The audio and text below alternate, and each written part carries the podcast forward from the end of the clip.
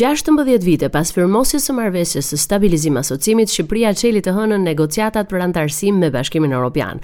Në konferencën e parë ndërqeveritare mbajtur në Bruksel, kreu i qeverisë Rama konsideroi anëtarësimin në BE një çështje për jetë a vdekje, ndërsa u shpreh se vendi do të vijojë në përmbushjen e sfidave. Ai e mbylli fjalimin e tij me fjalët, Do të punojmë për sfidat dhe mundësitë për anëtarësimin në BE, ndërsa ne festojmë me entuziazëm sot, nuk kemi qenë kurrë më të vetëdijshëm për këto sfida. Shumë europianë duhet ta kuptojnë se BE-ja ka nevojë për Ballkanin, po aq sa Ballkani ka për BE-në. Shumë që nuk kuptojnë çfarë e motivoi projektin duhet ta shohin tani.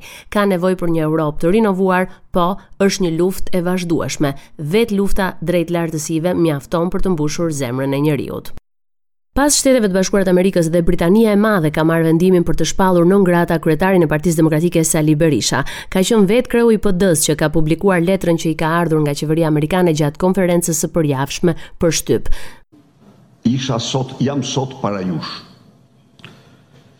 Disa orë pasi Edi Rama dha lajmin për vendimin që do mirte Qeveria e Mbretërisë së Bashkuar, jam njoftuar me ndaj meje, jam njoftuar me një letër se Sekretari i Brendshëm ka marrë vendimin për mos lejimin e hyrjes time në Mbretërinë e Bashkuar me arsyetimin, një, se ju keni lidhje të qarta me grupe të krimit të organizuar dhe kriminelë të cilët kanë paraqitur një rrezik për sigurinë publike në Shqipëri dhe Mbretërinë e Bashkuar dhe se ju jeni i gatshëm t'i përdorni këto lidhje për të avancuar ambiciet tuaja politike dhe dy për korrupsion dhe pasurimin tim dhe rretheve të tjera pranë meje ku si shembull përmendet ish-këshilltari për zgjedhje Damir Fazliç, i cili sipas vlerësimit të tyre, të cilin sipas vlerësimit të tyre unë e kam mbrojtur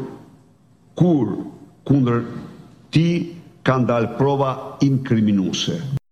Gjatë fillimit të javës u njoftua se AKSH kishte pësuar një sulm kibernetik dhe për pasojë asnjë nga shërbimet qeveritare online nuk punonte. Prokuroria e Tiranës ka nisur zyrtarisht hetimet sa i takon sulmit të njëkohshëm ndaj shërbimeve qeveritare që shkaktuan më pas vështirësi për qytetarët shqiptarë. Gjithashtu bëhet me dije se është kërkuar ndihma e agjencive ndërkombëtare, ku është edhe vendosur sekuestro për katër llogari që dyshohet se janë të përdorura nga hakerat kibernetikë. Llogaritë e sekuestruara konsiderohen si llogari të përdorura nga hakera dhe rezulton se kanë sulmuar njëherazi dhe në mënyrë të organizuar shërbimet qeveritare në Shqipëri.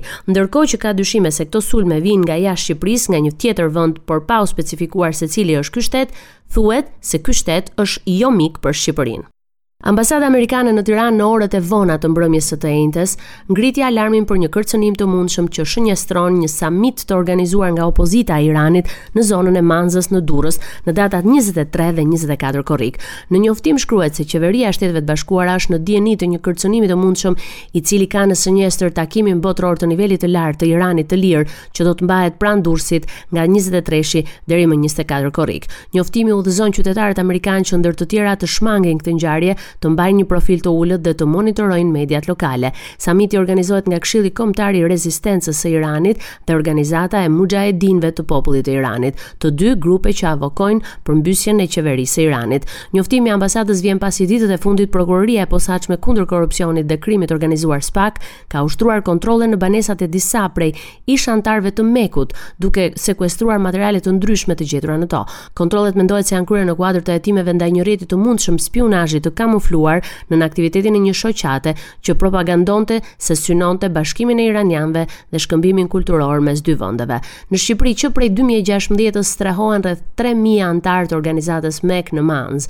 Në këtë samit pritet të marrin pjesë qindra politikanë dhe deputetë të njohur, nga të dyja anët e Atlantikut dhe më gjerë. Kampi Ashraf pranë Durrësit është vizituar një muaj më parë edhe nga ish nënpresidenti amerikan Mike Pence, ndërsa në muajin maj këtë kamp e kishte vizituar ish sekretari amerikan i shtetit Mike Pompeo. Në ditët e fundit si kreu i shtetit, presidenti Ilir Meta ka zhvilluar një vizitë në Kosovë ku ka takuar dhe homologen e tij Vjosa Osmani. Pas mbajtjes së konferencës së përbashkët, presidenti Meta ka mbajtur edhe një fjalim në Kuvendin e Kosovës, ku foli gjatë për marrëdhënien e ngushtë mes dy vendeve Meta gjithashtu tha se krenohet për arritjet e deritanishme në Kosovë, si ndërtimi i institucioneve demokratike, njohja ndërkombëtare nga shumica e vendeve anëtare të Bashkimit Evropian, të NATO-s dhe të Kombeve të Bashkuara, deri te konfirmimi i pavarësisë nga Gjykata Ndërkombëtare e Drejtësisë, anëtarësimi në organizata rajonale dhe ndërkombëtare. Raportoi nga Tirana për Radio SBS Gerta Heta.